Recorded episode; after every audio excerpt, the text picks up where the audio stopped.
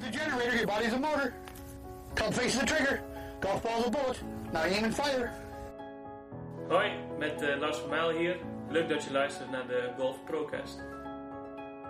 What I try to do, I try to flat load my feet so I can snap load my power package. That way I can amplify both lag and drag pressure through impact fix. As long as my number two power accumulator doesn't break down, I can reach maximum centripetal force with minimum pivotal resistance.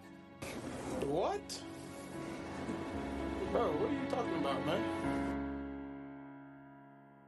Mijn naam is Sjors Lemmens, PGA Professional in Maastricht. En zoals je al hoorde in de intro is Lars van Nijl de gast van deze podcast. Lars baarde vorig jaar veel opzien toen hij vanuit de Alps Tour in één jaar door direct promoveerde naar de European Tour. Dat zijn eerste seizoen op de European Tour anders is verlopen dan in eerste instantie gepland, dat zal duidelijk zijn. Maar er valt genoeg te vertellen over hoe hij op de European Tour is gekomen, wat hij tot dusver in zijn carrière geleerd heeft en welke momenten en ervaringen ervoor gezorgd hebben dat hij nu speler is op de European Tour. Veel plezier met het luisteren van een echt keukentafelgesprek met Lars van Meijel.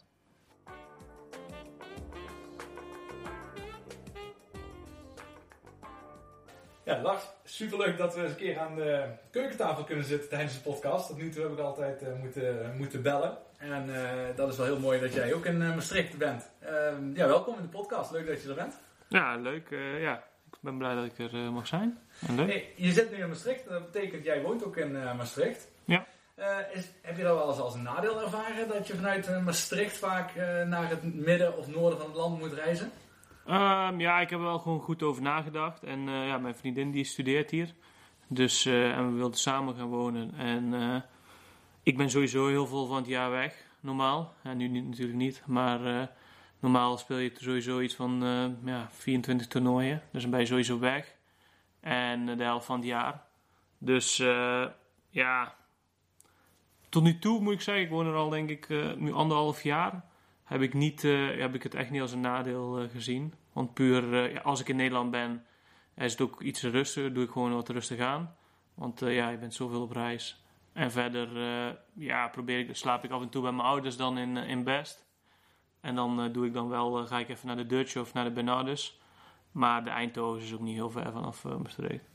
Nee, dat is inderdaad prima. En dat reizen, dat is je natuurlijk niet vreemd. Want ja, je bent geboren in Italië. En dan heb je tot je veertiende heb je daar gewoond. Kun Ja. je iets vertellen over hoe je het golf in eh, Ita- Italië hebt ervaren? Ehm, ja, ik ben daar toen mijn negentige begonnen. En was het echt, eh, ja, met een hele groep jongens zijn we begonnen. En gewoon eh, was het heel competitief altijd. Eerst heel veel voetballen en daarna veel meer naar, naar het golven. Ze hebben daar ook veel meer wedstrijden voor de jeugd. Gewoon echt, ik weet nog, gingen we met een busje na- naartoe. Werden we op zondag om 7 uur door je ouders bij een hotel afgezet. En toen gingen we met een, gezamenlijk met de busje naar de wedstrijden toe. En kwam je om 8 uur terug, weer s'avonds. En dat was zo leuk. Maar dan had je gewoon iedere keer wedstrijd. Had je onder 12, onder 14, onder 16, onder 18. Had je gewoon eh, allemaal eh, prijzen. En dat was gewoon ja, bijna ieder weekend. En eh, heel veel Italiaanse kampioenschappen en dat soort dingetjes. En ik denk vooral heel veel, heel veel wedstrijden had je daar gewoon. Dat is, dat is wel echt heel waardevol. Dat is wel echt Ja. briljant als je zo'n Ja. systeem kunt opzetten. Is dat daar altijd geweest? Deed de bond dat? Of hoe werd dat? eh, Dat weet ik niet precies, omdat eh, ja, ik was toen nog eh, best wel jong en ik zat daar niet in de, ik mocht daar niet in de selectie zitten. Dus, eh, maar Italië is natuurlijk heel groot. En eh, ja, in de regio Veneto, daar, hoe heet het, daar hadden ze gewoon echt veel wedstrijdjes. En dan reisde je een beetje Noord-Italië. Kon je echt heel veel eh, grote toernooien spelen. En toen je daar opgroeide, wie was jouw eh, grote voorbeeld in die tijd? Golfvoorbeeld. Ja, Tiger toch altijd. Ja, die is er Ja, zeker. Ja, ja. Want eh, ik kan me ook voorstellen, Matteo Manacero, was dat een beetje de periode Ja. dat hij op jonge leeftijd zo fantastisch speelde? Ja, hij was sowieso altijd al heel goed. Ik weet nog, eh, ik deed één keer mee. Ik was, denk, ik was 12 met een wedstrijd. Maakte ik 90. Op, eh, en dat was wel op zijn thuisbaan. Maakte ik 90 of zoiets. Speelde slecht. Maar hij, maakte, hij won hem toen met 72 of zoiets. Dat is de eerste keer dat ik hem eh, zeg maar, samen speelde op dezelfde toernooi. En toen, eh, ja, jaren later, toen hij, wat is het, 17, 18, eh, kwam hij op tour volgens mij. En toen won hij vrij snel. Ja, precies. Maar dat, ja, iedereen wist wel dat er natuurlijk een heel jong gastje heel goed speelde. Ja, toch, maar nu zijn de rollen wat dat betreft omgedraaid. Want eh, jij speelt Ja. hoger dan dat hij speelt. Maar, maar toch is dat wel, blijft wel een bijzonder verhaal. Hè? Dat hij eh, Ja, op een ja, of andere manier van de absolute top echt wel is weggezakt. Heb je daar een verklaring ergens voor? Nee, geen idee. En eh, ik ken hem verder, ik, ja, ik ken hem wel, maar niet goed genoeg. En ik, hij blijft wel echt een he- hele aardige gast en heel respectvol. En ja, nog steeds, ik weet nog vorig jaar eh, waren we in België, deed hij mee op Challenge Tour, eh, had hij niet goed gespeeld. Maar hij was, eh, hij was nog wel vrijdagmiddag en mijn ouders waren komen kijken en mijn moeder wilde graag nog een, een pe- getekend petje van hem. En dat deed, hij, ja, dat deed hij helemaal niet moeilijk over, dat snapte hij helemaal. Terwijl hij natuurlijk wel net slecht gespeeld had. En nee, hij blijft hartstikke aardig. En ik hoop dat hij er snel weer bovenop komt. En ik denk ook, denk ook wel dat het hem gaat lukken. Ja, want als je ja, in Italië kijkt, eh, je, dat gaat echt fantastisch daar. Hè? Je Ja. hebt daar spelers, eh, natuurlijk de Molinari eh, Brothers, en maar de Pavan, Migliotti, Ja, zeker. Ja. Ehm, die ken jij ook nog allemaal goed. Denk je dat daar grotendeels is hoe die opleiding was met zo vroeg zoveel wedstrijden al te kunnen spelen? Is dat een succes van Italië, denk je? Ehm, ja, dat, ja, ik denk ook, ze spelen ook heel veel wedstrijden in het buitenland. Ik weet nog toen ik eh, zeg maar naar Nederland verhuisde en toen kwam ik in de selectie en dan ging langzamerhand naar uh, buitenlandse toernooien. Gingen wij met vier man en gingen zij met eh, acht man. En er waren natuurlijk ook minder goede bij. Maar het is meer dat je gewoon die groep groot houdt om het heel competitief te houden. En je weet maar nooit, misschien nummer 8, die kan zijn draai vinden. En op die manier hebben ze ook heel veel goede amateurs altijd gehad. En eh, ja, ze blijven ook gewoon steunen. En het is gewoon, ja, die steunen elkaar ook, eh, worden ze pro. En dan zitten ze ook, volgens mij, hebben ze ook een heel pro-team. En eh, ja, die trainen ook allemaal met elkaar. Dus die, ja, er zit een, misschien iets meer structuur in. Nou, vorig jaar, ja, je hebt natuurlijk al, eh, daar kom ik daar nog op, met je Alps Tour en Challenge Tour ervaring. Daar waren natuurlijk best wel veel Nederlanders. Herkennen Ja. jullie daar wel ook dezelfde kameraadschap tussen? Of was dat alles zeker. Per, per cultuur? Nou, op zich, eh Alpstoer viel best mee. Mijn eerste jaar reisde ik vooral met eh, Max Albertus en Rowan, Caron. En eh daar waren we eigenlijk met z'n drietjes. En eh, verder op Challenge Tour, in het begin, ja, kende de jongens nog niet zo heel goed. Dus ja, moet je eerst een beetje, ja, je leert elkaar eerst een beetje kennen. En, maar nu ben ik, ja, zijn gewoon hartstikke gasten allemaal. En ja, je wilt natuurlijk altijd heel graag van elkaar winnen en dat blijft altijd zo. Dat moet ook. Ja. En, eh, maar achteraf, eh, gewoon s'avonds kunnen we gewoon lekker eh, samen eten en is gewoon gezellig. Ja, dat helpt wel denk ik als je zoveel Ja, zeker. Ja, het is, ja, het is gewoon vrij pittig als je alleen maar in je eentje moet zijn. En als het goed gaat, kan het wel. Maar als het een keer niet goed gaat, dan zit je alleen op je hotelkamer. En dat hoort er ook bij natuurlijk. Dat is ook een beetje ja, waar je voor gekozen hebt.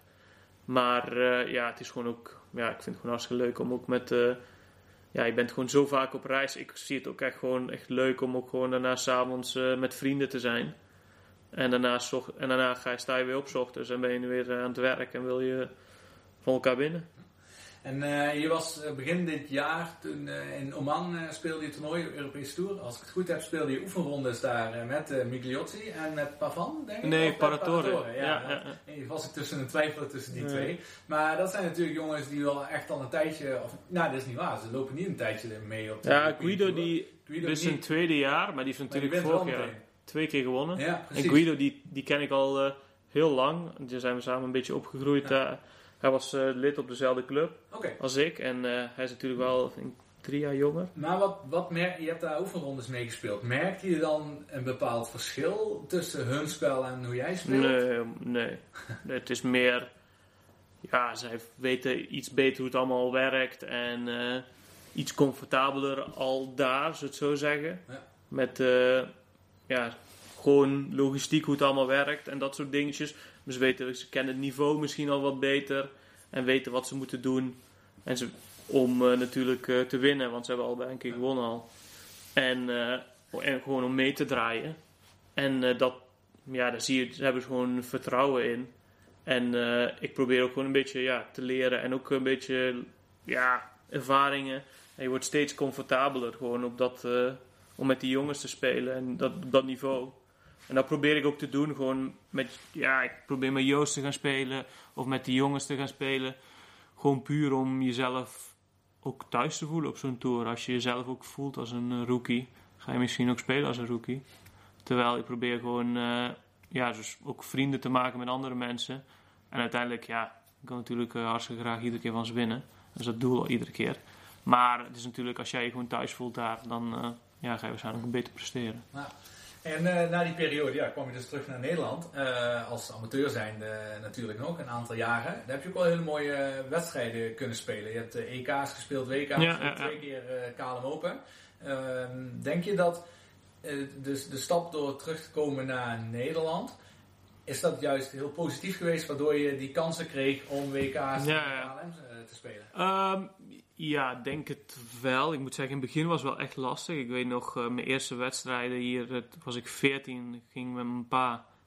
Ja, was echt, uh, ik kende niemand en niemand zei eigenlijk ook wat.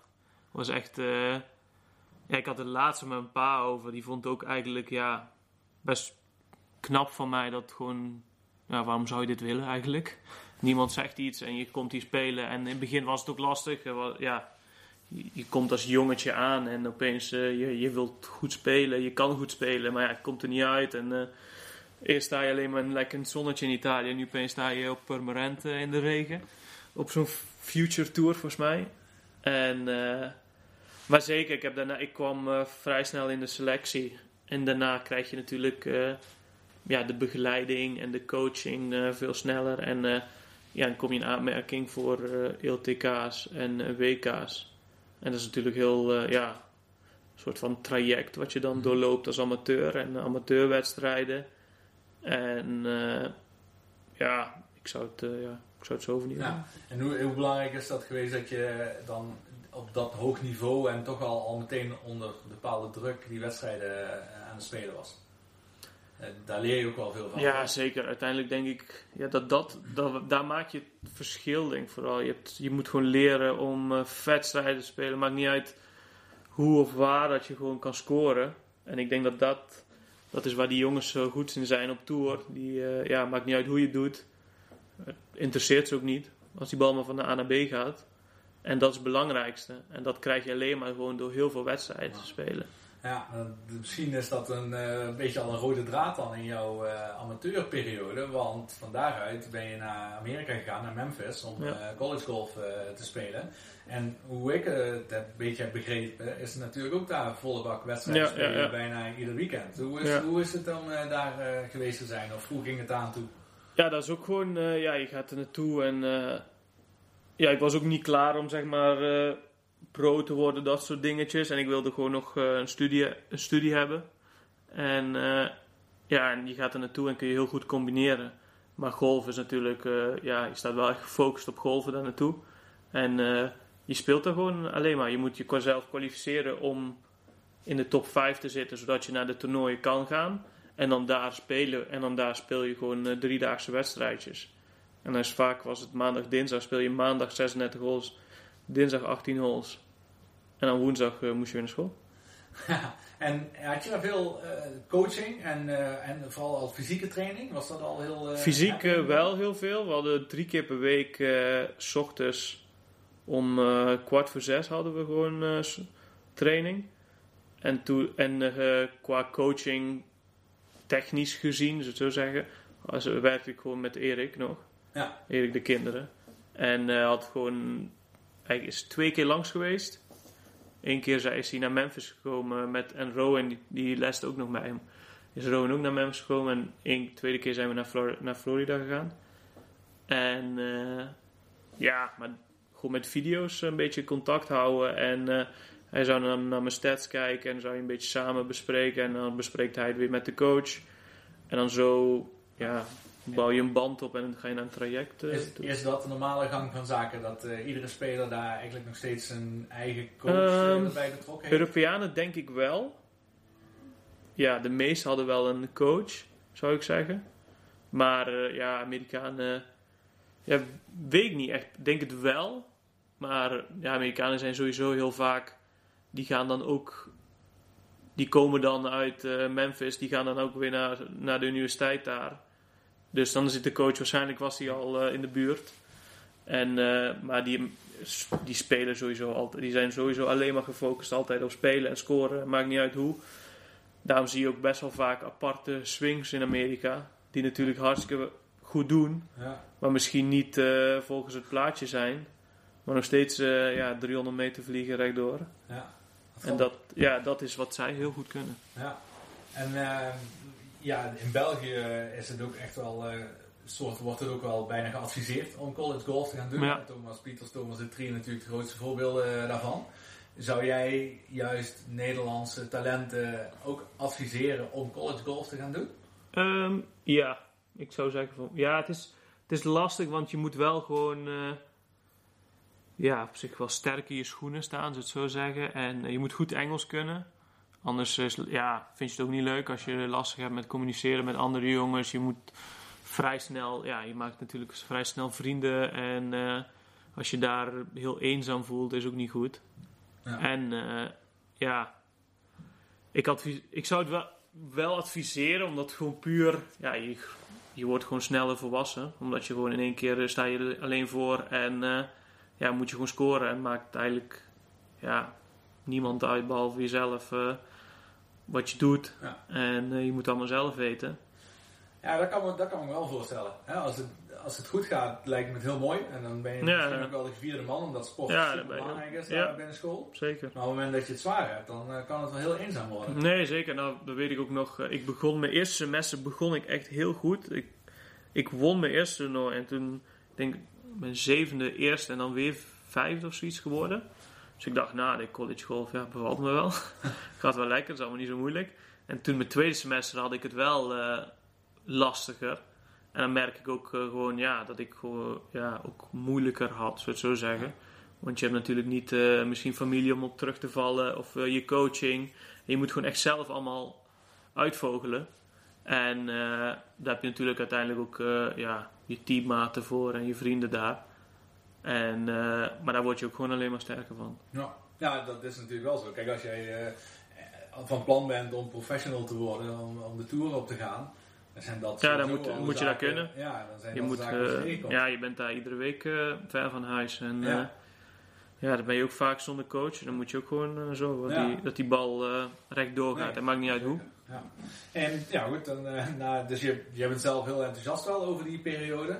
Ja, zeker. Dat heeft ook wel wederom bijgedragen aan, eh, aan hetgeen Ja. waar nu eh, staat. Ja, zeker weten. Nou, nou, ben je teruggekomen? Ben je toen meteen eh, professional geworden toen je terugkwam? Ehm, ik heb de zomer nog zeg maar amateurgolf hier in Nederland gespeeld.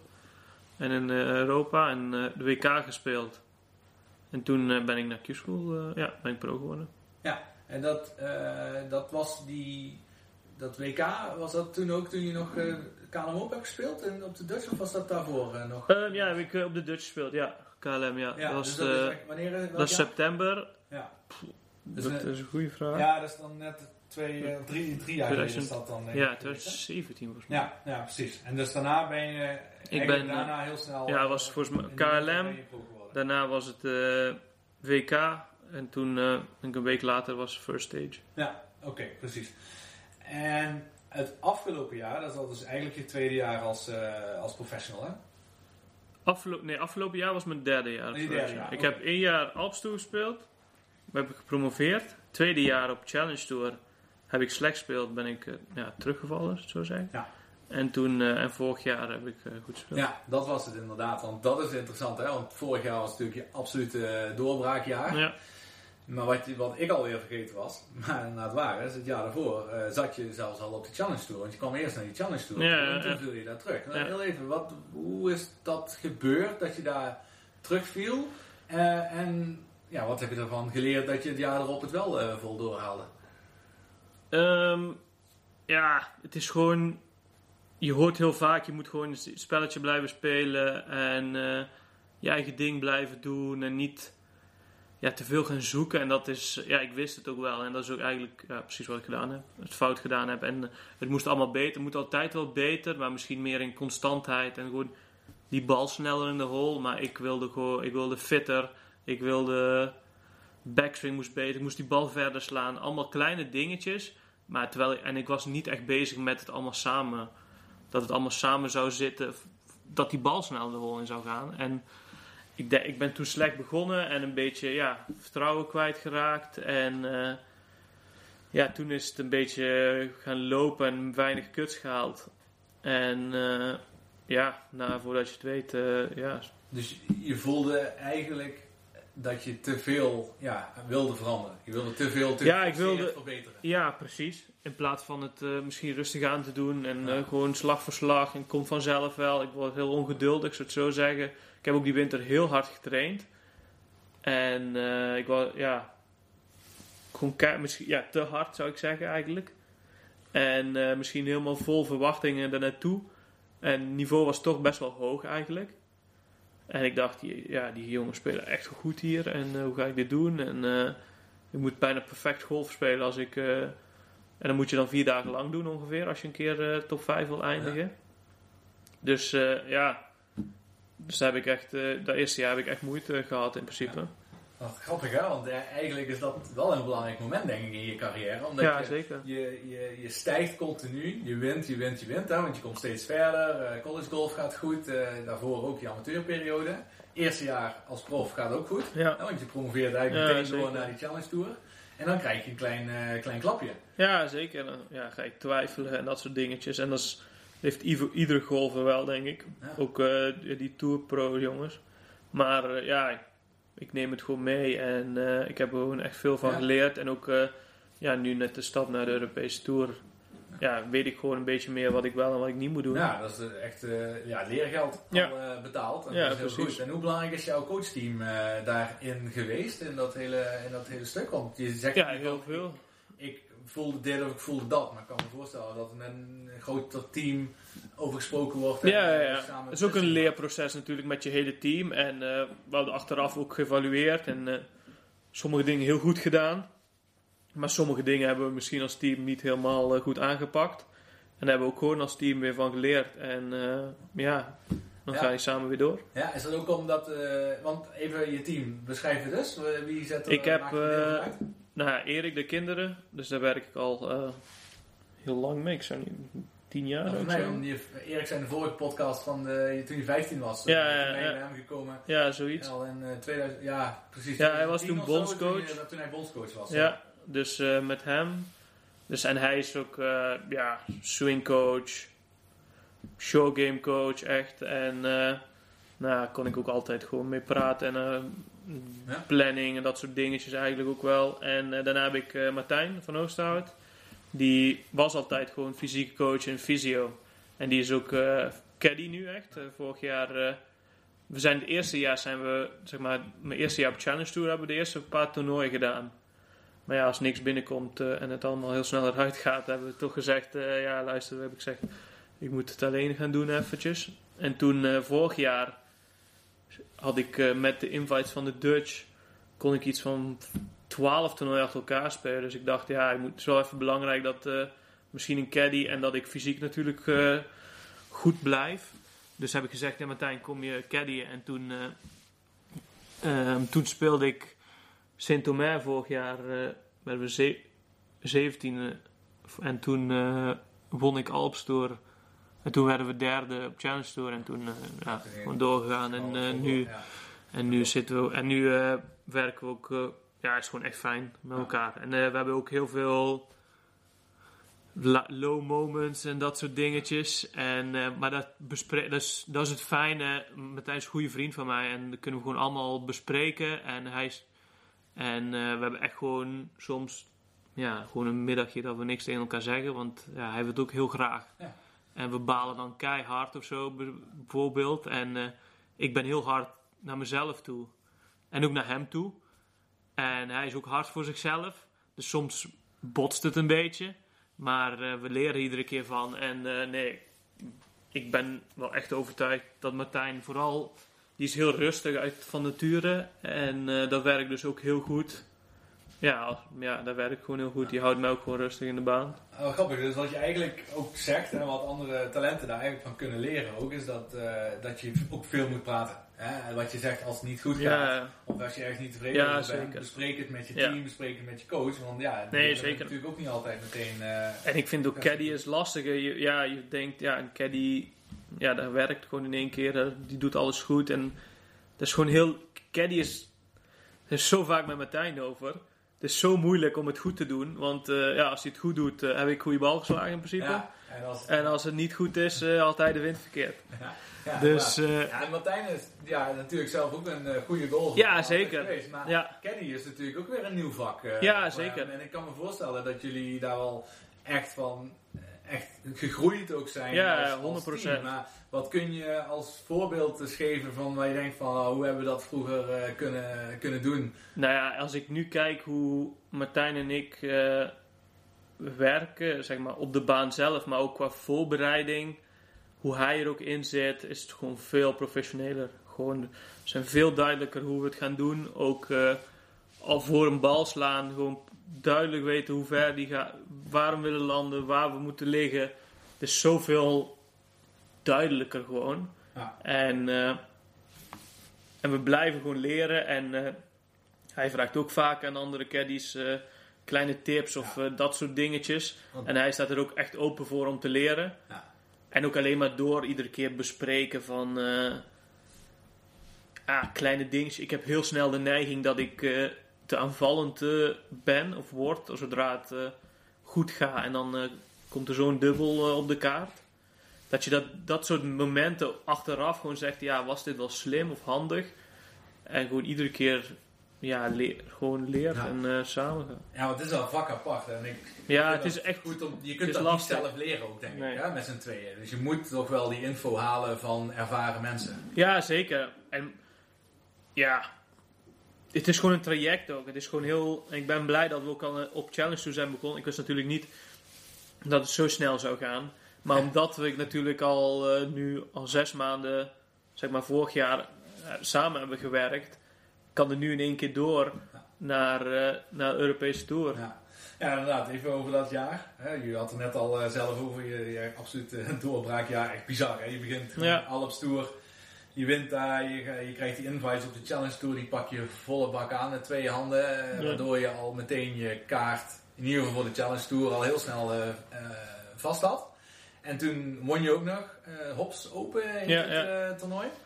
Ehm, heb jij in dat jaar eh, enorm veel progressie gemaakt? Of was jij gewoon het hele jaar zo goed?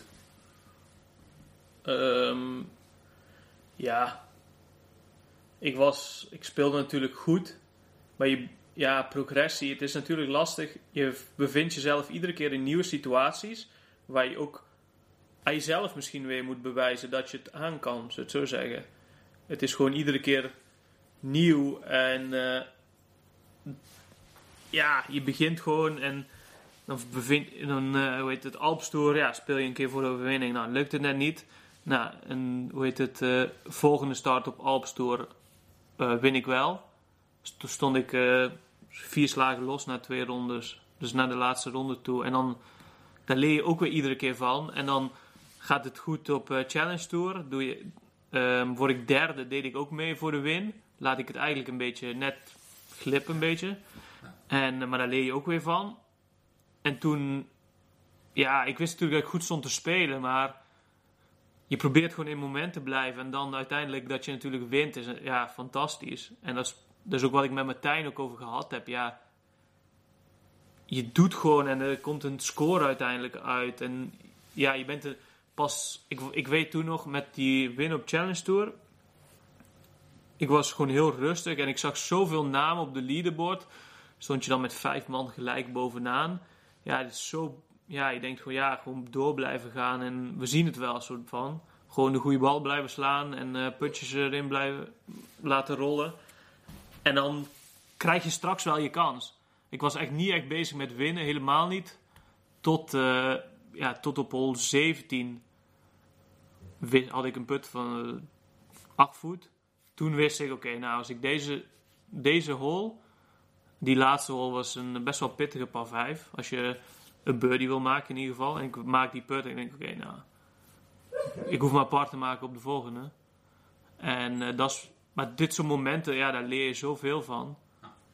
En dan Ja. neem je weer mee naar, eh, naar Q-School. Ja. Of na volgende keer als ik eh, in, in contention ben op Europese Tour, heb ik, al, heb ik het al een beetje meegemaakt op Challenge. Er zal waarschijnlijk veel meer druk zijn. Maar je neemt het gewoon iedere keer mee. Ja, dat is mooi. Ik, ik, ik zeg dat ook inderdaad vaak. En even vanuit mijn verleden inderdaad als, eh, als, als tennisspeler.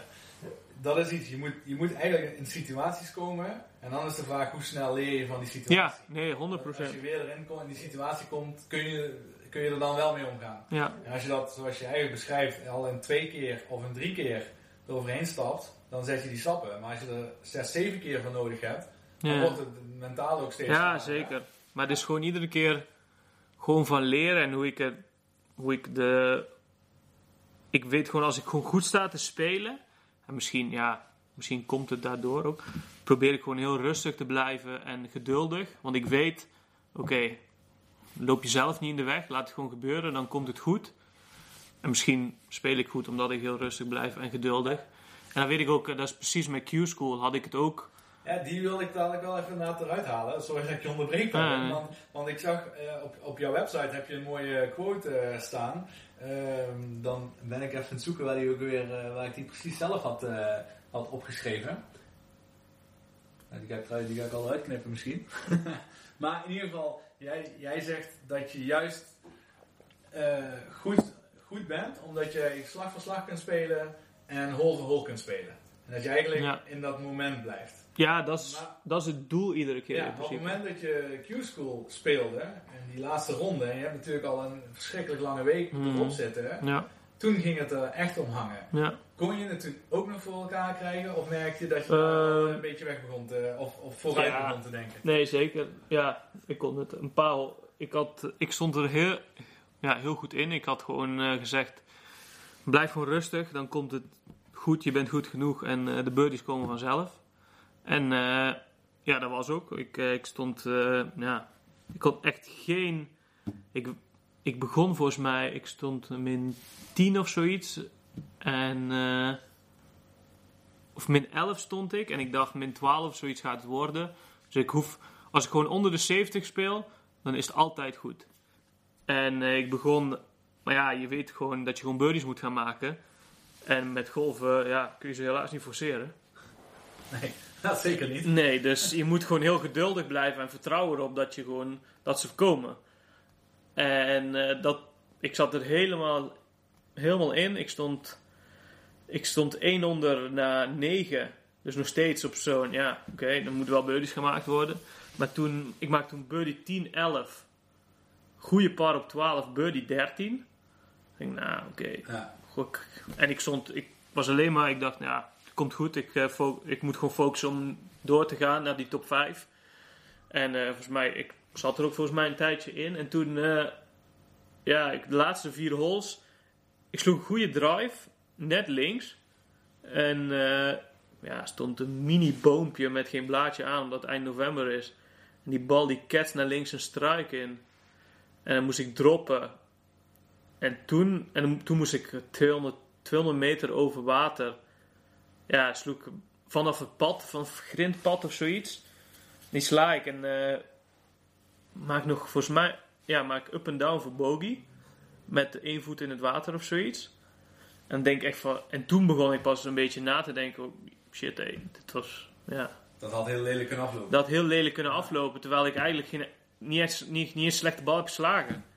En dat is natuurlijk het golfspelletje een beetje. En toen eh, op hol eh, 16 in zo'n lange par 5 stond die water, alleen maar water aan de linkerkant. Dus like, eh, ja, twee prima ballen naar de lay-up. En weet ik nog, toen, ja, toen was ik wel echt zenuwachtig. Ja. Want die pin stond helemaal links. Ik wilde natuurlijk niet helemaal rechts op de green kakken. Heb je een put van 20 meter. Dus ik denk gewoon, oké, het blijft de pitching wedge. Ja. Gewoon birdies blijven maken. Je kan gewoon agressief zijn. En eh, ik poel, eh, poel hoek hem ongeveer eh, links het water in. En toen was het wel even ja, rustig blijven en geduldig. Oké, nou, gewoon up en down maken. Dat lukte ook. En toen, en toen, ik was zo zenuwachtig op dat moment. Ik dacht gewoon, oké, focus gewoon op die bal raken. Gewoon die bal goed slaan, dan zien we het wel. Je kan ja, niet met andere dingen bezig zijn, want dat kun je op dit moment niet. En ik sla op 6 17, sla ik goede bal. Krijgt een slechte spadrietje, krijgt een slechte stuit en rolt een beetje achterkant green. Had ik een hele moeilijke put. Maak ik eh, drie put, maar op zich twee best goede puts. Dus ik dacht, oké, niet te veel in gaan lezen. Gewoon was goed gespeelde hole eigenlijk. Had ook eh, op hole 1 kunnen gebeuren. En toen, eh, en het- ook met Martijn, dit is ook natuurlijk Martijn, die is ook ja, een hele grote rol speelt hij dan ook om, je, om jou rustig Ja. te houden. Als je caddy loopt te stressen, ja, dan helpt dat ook niet. Nee. En Martijn bleef gewoon heel rustig. En eh, toen op hole 18 wisten we dat eh ja, birdie of, sowieso birdie of par moest zijn. Dus par 5, een beetje dogleg links. Met water links van de green. En eh, daar ook, ik denk, nou, gewoon drive. Ik denk, gewoon daar makers gewoon doorslaan. Je kan toch niks sturen of ja, niet bezig zijn waar die niet moet gaan. Gewoon hard slaan. Sloeg echt goede drive. En toen weet ik nog, we stonden daar op 200 meter. Ik denk, ja, ik sla net een pitchwijze links het water in. eh, de hele green, alleen maar water links. Ik heb nu een ijzer 5 naar de green. Dus met Martijn, ja, ja, we gaan, ja toen hebben we gezegd, nee, we gaan, we gaan er gewoon voor. Het is goed, eh, ja, moet die bal gewoon kunnen slaan. En ik ook nog, ik zei, ja, ik gewoon recht op de vlag gemikt. En ook gewoon, oké Lars, gewoon doorslaan. Hij slaat echt fantastisch ijzer 5 op eh 5 meter of zoiets. En toen, toen wist ik het wel van, oké, nou, dit, eh, dit komt goed. Ja. En, eh, maar gewoon alles, ja, alle dingen die daarvoor hebt meegemaakt, die, ja, die breng je dan gewoon mee. Je Ja. weet gewoon, blijf rustig, blijf, laat jezelf. En dat is ook die hele Q-school, die zes rondes zijn zo lang. Ja. Het is gewoon, ja, en het komt, uiteindelijk komt het op twee slagen van, ja, ik weet niet hoeveel slagen te zijn. Ja, dat, dat is inderdaad bizar, hè? Dat, eh, wat je daar die laatste paar holes meemaakt. Dat is zo'n Ja. rollercoaster van emoties. Ja, daar- precies. Dan komt, dus eigenlijk zeg je dan ook, daar komt al die ervaring wat je Ja, hebt ja, opgedaan, komt eigenlijk op dat moment samen. En moet je er eigenlijk op vertrouwen, toch, hoe moeilijk het ook is, Om het los te dat laten. het goed kan, dat het goed gaat komen. Is dan, eh, ja, je zegt caddy is daar heel belangrijk in, omdat je daarmee je gevoelens kunt uiten en over met hem kunt praten. Zijn routines voor jou dan nog heel erg belangrijk? Ja, om zeker. gedachten uit te schakelen, die pre-shot routines? Ja, ja je, je moet gewoon focussen puur op wat je aan het doen bent en wat je moet doen. En eh, je, hebt- ja, je hebt vaak misschien een gedachte of dat soort dingetjes, maar Ja. onder die druk is gewoon ja, lastig om nog op, aan iets te denken qua techniek of zoiets. Dus je, ik was gewoon toen bezig, gewoon die bal, gewoon, goed, gewoon die bal goed slaan in het midden, dan zal hij wel goed zijn. En je moet het gewoon loslaten. En daar heb ik ook vaak eh, met mijn coach ook over. Ja, ik heb dus ook een nieuwe performance coach. En die zegt ook, eh, ja, je ziet, je hebt dus ook geleerd, dus onder druk, om het eh, los te laten.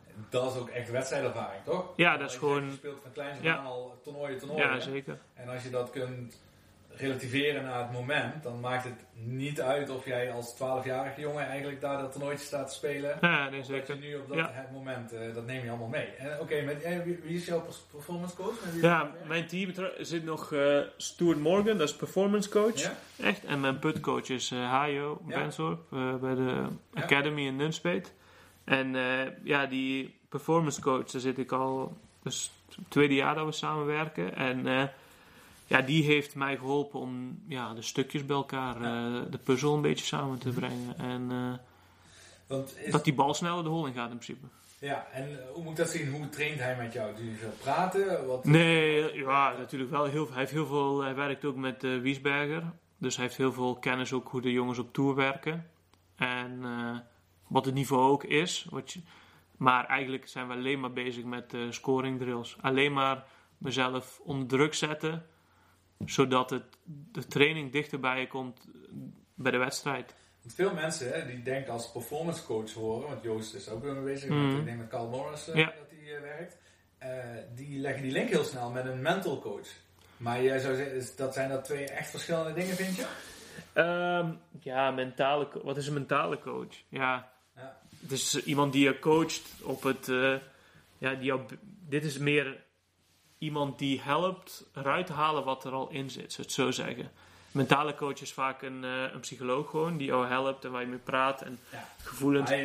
Precies, want die performance coach gaat met jou de echte baan op. En Ja, ja, ja, dat is eigenlijk het grote verschil, hè? Ja, het, wat, is, wat een performance coach is gewoon veel. Wat ik vind het fijner aan is gewoon veel meer hands-on en veel praktischer. Mentale coaching is zo, ja, een beetje vaag af en toe, vond ik zelf.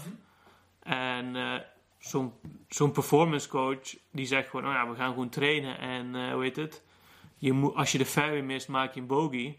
En je moet eh, met plus 2 de baan afkomen, weet ik veel. Ja. En anders moet je opnieuw, bijvoorbeeld.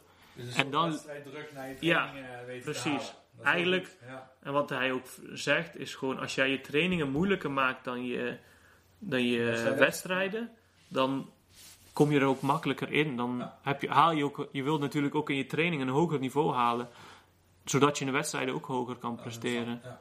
Als jij weet, eh, ik kan van 2 meter, statistisch gezien holen ze, hoe heet het, eh, wat is het? Dus 75% op tour.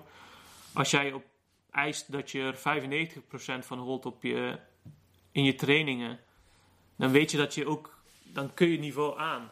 En dan is het gewoon, Ja. dan moet je het gewoon alleen maar doen. Ja. En dat is, ja, dat is echt wat ik, eh, ja, van geleerd heb het afgelopen jaar. Ja, heel goed. Ja, want ben jij, ben jij iemand die vind je zelf makkelijk eh, te coachen is? Luister jij gewoon makkelijk naar coaches of vind je, Ehm, of heb je erg je eigen mening daarin? allebei. Ik, ik denk dat ik wel. Ja. Ik heb het gevoel dat ik wel makkelijk te coachen ben. Maar ja, moet je aan mijn coaches vragen natuurlijk. Maar ik wil wel gewoon. Ja, het is uiteindelijk eh, mijn carrière. En ik wil wel zeker weten waar ik mee bezig ben. En eh, ja, ik heb natuurlijk ook eh, kennis opgebouwd de laatste jaren. En ik weet ook. ik zie wat. ja, het beste ter wereld doen. Dus dan stel ik ook vragen als we. Ja, als. Erik bijvoorbeeld zegt, ja, we moeten hier aan werken. Zeg ik, nou oké, waarom? Wat, en dat, ja, dan samen kom je eruit en dan ga je samen het traject in een beetje. Ja, want dat is eigenlijk mijn, eh, de tweede vraag en het verlengde daarvan. Ben jij iemand die heel veel wilt weten? Eh, ja, Bryson DeChambeau is misschien wel een heel eh, andere uiterste. maar leuk. als jij daar tussen kijkt, laten we die pakken. Hè? Je hebt een DeChambeau die wil alles, ieder cijfertje achter de wil die weten. En Nicolas Koolstaats als voorbeeld, die wil nog geen instructievideo geven. Mhm. Omdat hij dan opeens moet gaan nadenken wat hij doet. Ja, En dat doet hij nooit, dus hij is heel gevoelspeler. Als je in dat twee, dat is een heel breed spectrum dit. Als je Ehm, daar jezelf in eh, plaatst. ik denk dat, ik, eh, dat het voor mij beter is als ik eh, richting de Colsaats, dus gewoon op mijn gevoel speel. Ik moet natuurlijk wel een soort een structuur erin houden. Ik moet zorgen dat er niet te veel gevoel wordt, waardoor de basis wat ja, minder en slordig wordt. Als de basis goed blijft, dan kun je het gewoon laten gaan en op je gevoel spelen en vertrouwen op je trainingen. Dus dat is ook vaak wat ik eh, nu ook gewoon doe, is eh, ja, zorgen dat de basis goed is. En dan eh, ook met, wat, dat is ook wat ik met mijn putcoach doe, ook met Hajo, is gewoon zorgen, oké, zorg dat je setup goed is. En je, beweging, je beweegt uit de goede spieren in principe. En daarna probeer ik alleen maar met lijn en snelheid en eh, vertrekrichting bezig te Ja, zijn. nee, hij geeft jou echt meer aan eh, waar je op moet letten en gaat je niet allemaal cijfertjes erbij. eh, Nee, ik denk, eh, in de war zou Maar daar heb ik ook, heb ik ook af en toe doe, doe ik het wel. Ja. En dan heb ik zoiets, ja, dat had ik misschien niet moeten doen. dus dat, daar leer je ook weer van. Ja. Je weet gewoon. Ik, en dat is ook waar ik de la, of waarom ik het afgelopen jaar ben ook veel meer met Trackman. En als ik met Trackman werk, ben ik gewoon veel meer aan het testen de hele tijd. Nou. Dan eh, al die eh, duizend getalletjes eh, te denk- kijken. Ik denk dat je ook echt meer een speler bent. Want Dat zo, is het, Zo ben je ja. opgegroeid. Nee, Dat zeker. ook in Ja. terugkomen Ja. dan. En het is ook gewoon. Ja, uiteindelijk moet die bal gewoon snel doorrollen. En dan maakt niet uit hoe die. Ja, met, Ah. Ja, en ook als, als mensen mij vragen ook, ja, wat, wat is er anders dan vorig jaar? Ik, dan kan ik moeilijk zeggen van, oh, dit is veel beter, dit is veel beter. Ik weet gewoon, met jouw spel. Wat dit Met mijn spel, ja. vorig jaar is. ik, weet, ik weet gewoon dat, het zijn gewoon allemaal kleine dingetjes waardoor ik, eh, ja, voor een eh 70 teken in plaats van een 72. En dat is over Ja. vier rond, rondjes heel veel. Dat is heel veel verschil. En dat is een up en downtje en een putje misschien die wel net erin gaat. Het zijn zulke kleine dingetjes. En dus het is gewoon vaak zorgen dat je de structuur echt gewoon vast zit en de basis gewoon echt sterk is. En daarna gewoon jezelf testen en de trainingen gewoon heel zwaar maken. Mhm. Ja. Ja, mooi. Ja, duidelijk. Ehm, even nog het laatste, als laatste gedeelte even naar het eh, ja, hier en nu eigenlijk eh, wat meer. Ja. Je hoort altijd, altijd dat eh, het, eh, het behouden van je kaart het eerste jaar het moeilijkste is. Nou, dat is gelukt hè. Ja, Wel op een iets andere manier, Ja, maar het is wel fijn om te weten natuurlijk dat je volgend Ja. jaar eh, gewoon... ja, het is natuurlijk wel, het is een beetje dubbel natuurlijk, want ja, als je je kaart, wat ze, ja, als je je kaart behoudt, dan bedoelen ze natuurlijk dat je in die top 110 en dan kom je het jaar daarop, kaart. precies, dan kom je het jaar daarop al de Rolex-series in. Ja, En ik heb, eh, ja, volgend jaar dan waarschijnlijk, ik heb gewoon dezelfde categorie. ja. Dus zal je gewoon volgend jaar weer jezelf moeten bewijzen om in die top 110 te eindigen met de mindere starts, het zo zeggen. Vind je het wel een goed systeem wat de European Tour heeft met die, al die verschillende categorieën? Of is het eh, te zwaar? Mm, ik kan er nog niet echt heel veel over oordelen, want ik speel er maar net. Maar eh, ze doen het natuurlijk nu wel meer met punten. Eerst deden ze met geld echt. En nu zijn die groot, de kleinere toernooien met iets meer punten waard. Zodat, eh, ja, zodat het misschien net wat makkelijker is dan eerst. En ook wel wat eerlijker, want anders, eh, ja, je moet ongeveer eh, top 3 eindigen is vergeleken met een eh, top 30 op Rolex eh, Ja. series. En ik snap dat verschil moet er altijd zijn, want dat zijn natuurlijk grotere toernooien en de beste spelers ter wereld komen daar, terwijl misschien een kleiner toernooitje is dat natuurlijk niet. Maar ja, uiteindelijk moet je gewoon je eigen spel spelen. Ik denk, ja, als, jij als je gewoon in vorm bent, maakt niet heel veel uit waar je staat. En ja, moet je, je moet ja. uiteindelijk toch eh na min 15, min 16, min 20 maken. Ja. En eh, maakt in principe niet uit eh, wie tegenover je staat. Zo zeggen. Nee, dat is het voordeel en het nadeel van golf. Ja, je hebt nee, zelf precies. hand, maar je hebt ook helemaal niet in de hand. Nee, als je- goed speelt, kan nee, toevallig nog een aantal gasten nog beter spelen. Dus Ja, je, ja, je kan alleen maar een beetje ja, jezelf ja. heb je wel onder controle. Maar ja, als jij fantastisch speelt en iemand die maakt min 30. Ja. En eh, ben je van plan trouwens om eh, naar Engeland eh, te gaan? Ja. Om een toernooi te gaan spelen? Ja, als, eh, ja, ik ben benieuwd met de. Ik denk quarantaine, denk ik uiteindelijk dat ze niet gaan doen. Want ik, ik, heb, ik las ergens ook op nu.nl dat we ook voor sporters, voor ook Formule 1, Ja. dat ze voor sporters een uitzondering zouden maken. Want ja, dat is ook oneerlijk. Voor de jongens die daar wel wonen, die hoeven natuurlijk niet in quarantaine bijvoorbeeld. En als wij daar een- twee weken vast moeten zitten, dat, ja, dat, is niet, dat is niet helemaal fair. Nee. Dus, maar ik wil, ja, kan niet wachten. Ja. Ik heb wel zin in. Ja, inderdaad. Ja, het is zo lang zonder toernooi. Ongelooflijk. Hè? Je begint dit jaar... nou, eigenlijk, je moest dit jaar ook lang wachten voordat je toernooien kon spelen. In, in het begin niet, maar Ja. dan komen opeens die, die Desert Swing, die komt langs. Ja, ja. Ja, dat zijn heel sterke toernooien. Ja. dan, eh, Nee, daar kwam ik niet wachten, ja, maar op zich. Ik had, ik had Zuid-Afrika. En toen, toen had je die Desert Swing, dat drie weken. Daarna ben ik naar Australië geweest. En toen eh, ik was Oman, Qatar. Maar je bent dan iedere keer wel bezig met eh, ja, het volgende toernooi. En nu is zo lang alleen Ja. maar trainen. Ja. Ik zat de laatste tijd. Joost. Die heeft nog nooit zo lang niet gespeeld, zou ik zo zeggen. Die speelde al tien het jaar. Maar, eh, Ja, het ja, precies, ja. geweest, Maar Ja. niet op deze manier. Maar niet dat hij kon spelen en alleen maar trainen Nee. bijvoorbeeld. Je hebt gewoon... Het is gewoon... eh, En wat ik een beetje afgelopen anderhalf jaar is... Je gaat gewoon van wedstrijd naar wedstrijd naar wedstrijd. Misschien twee weekjes tussen. Maar je weet gewoon waar je naartoe iedere keer gaat. En nu opeens... Ja. Ja, ben je gewoon bezig om eh, bepaalde... Ja, kun je wel lekker trainen. Ja, en, en, en het eh, doelen stellen, hè? want dat is, vind ik, denk ik heel belangrijk is voor. Ja. Dus, eh, dat je, jij stelt die doelen ook vooruit. Ik hoop niet dat het doel is voor jou alleen om een European Tour te halen, want dan daar zit je Nee, nu en dan ja. heb je een probleem als je doel hebt gehaald. Mm. Maar die heb je nog steeds meer. En dat, als, je dan echt, als het echt stilvalt, dan is dat stuk ook moeilijk om daardoor ook weer die motivatie op te. Ja, klopt. Ja, aan de ene kant... Ja, je hebt wel gewoon je droomdoel. Ja, ik wil gewoon in majors spelen voor de overwinning. Dat lijkt me echt het vetste. Dus dat is natuurlijk waar je uiteindelijk uit je bed voor komt. En, eh, dat we, ja. En dat is natuurlijk nu misschien wat lastiger omdat het zo ver weg is, die wedstrijden. Ja. En eh, het is natuurlijk, eh, als jij eh, op, ja, een keer dertigste wordt op tour, dan denk je, ja, shit, we moeten nog harder trainen, want 29 man hebben het beter gedaan. Dus. Ja. En nu heb je dat niet. Ja. Maar, ja, Die- maar ook bijvoorbeeld als je dadelijk die, die eh, in- Engeland of in de UK eh, gaat spelen. Ehm, stel jij wint een, eh, jij wint een toernooi. ja. Heeft dat dan invloed Ja, ja, wel? Dat, ja. dat blijft wel. Dan krijg je wel weer twee jaar exemptie? Of? Ehm, dat weet ik niet, maar ze hebben wel gezegd dat ze exceptional play gaan, eh, ja. erkennen, zo zeggen. En eh, vooral in overwinning verander je sowieso van categorie. Ga Ja. je naar, weet ik niet, één zelfs volgens mij. Ja, ja, precies. Of, ja, weet ik niet precies. Maar eh, ja, dus dan, dan wel. Dan, dan heb je, sta je wel top 110. Of dan kun je wel Ja. de Rolex Series jaar erop spelen. Ja. Dus dat is ook, eh, ja, je hebt, ik heb eigenlijk ook niks te verliezen. Ja, dat wil, dat, dat, zo lijkt het Ja. wel. Je kunt bijna alleen maar winnen in Nee, precies. Dus dan is het ook wel echt Dus, eh, gaat gewoon- om te gaan spelen. Ja, daardoor. Gaat gewoon lekker spelen en zorgen dat je gewoon voorbereid bent. En eh, ja, wie weet. Ja, inderdaad. En dan heb je als laatste, en dat komt natuurlijk dan ook een beetje erbij kijken. Opeens krijg je ook te maken met het merk Lars van Meijel.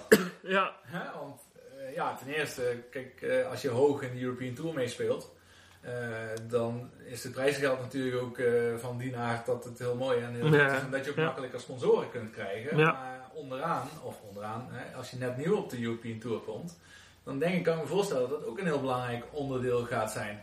ja, ja zeker. Het, is, eh, het blijft natuurlijk heel duur. En Ja. ja. nu, eh, ja, wie weet hoe duur vluchten en hotels gaan worden volgend jaar. En eh, ook de Tour zegt dat ze het ja, best lastig krijgen. Dus ik weet niet wat met prijzengeld Ja, gebeurt. je hoort in ieder geval dat overal prijzengeld naar beneden gaan. Ja, dus ik... dan eh, meestal zit in de top valt het nog wel mee, maar als je bijvoorbeeld Ja, ja. net aan kuts haalt, Ja, ja. wat ik niet hoop dat gebeurt, maar als je dat hebt, dan, dan zal dat het Ja. opleveren. Nee, op, op tour in principe natuurlijk. Ja, Ja. Als je je kaart behoudt, verdien je wel goed geld.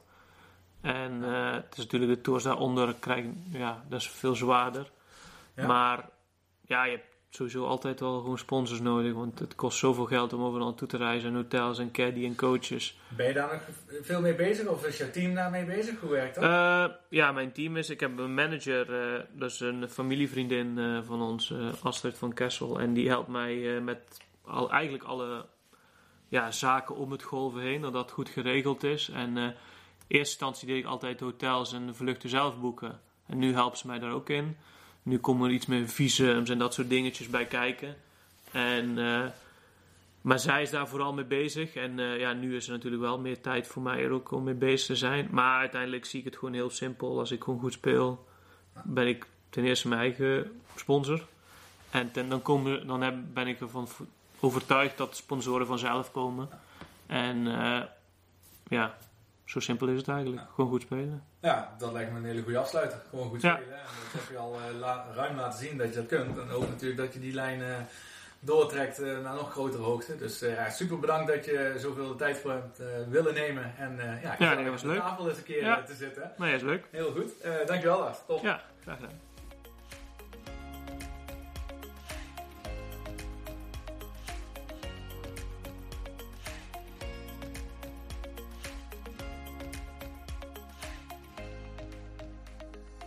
Mooi om te horen hoe Lars over zijn nog jonge carrière denkt. Een duidelijk rode draad wat mij betreft is dat hij al vroeg is begonnen met veel wedstrijden te spelen en daardoor in heel veel situaties terecht is gekomen die hem nu helpen om te presteren op zijn maximale kunnen en straks op de European Tour weer. Daarnaast is het ook heel interessant hoe hij aan het werk is gegaan met een performance coach die ervoor zorgt dat al zijn trainingen specifiek gericht zijn op de golfsport. En met name de intensiteit en de prestatiedrang verhogen en daardoor de druk proberen te simuleren die je eigenlijk ook in de wedstrijden ervaart en nodig hebt. Dus niet blind een half uur of een uur ballen slaan op een driver range zonder enige druk of intensiteit, maar juist die situaties opzoeken en het trainen moeilijker maken, zodat het uiteindelijk allemaal meevalt in de wedstrijden, of dat je kunt terugvallen op je ervaringen en dat je weet en voelt dat je die situaties al eerder hebt meegemaakt. Verder is het mooi om te zien hoe Lars spreekt over zijn carrière en hoeveel vertrouwen hij uitstraalt op het moment dat hij over zijn carrière aan het praten is en wat hij nog allemaal van plan is. Laten we hopen dat hij in ieder geval dit jaar nog een mooi seizoen kan hebben en dan vanaf het volgend jaar een vaste speler op de European Tour kan zijn. Tot zover alweer de vijfde aflevering van de Golf Procast. Vanaf nu zullen de afleveringen om de drie weken uitkomen. Dat heeft alles te maken met het feit dat het op de golfbanen weer een stuk drukker aan het worden is. Dat betekent natuurlijk ook dat het werk weer drukker aan het worden is, maar ook dat mensen minder tijd hebben op dit moment om te luisteren naar de podcast. En hiermee wil ik de luisteraars wel de tijd geven om alle podcasts op hun gemak te kunnen luisteren. Maar klaar met deze podcast ben ik natuurlijk nog lang niet. Want er zijn nog zoveel coaches en specialisten te spreken en ik ben nog steeds heel erg benieuwd naar de diverse visies en ervaringen die er zijn binnen het Nederlandse golf. Tot over drie weken. Hoi!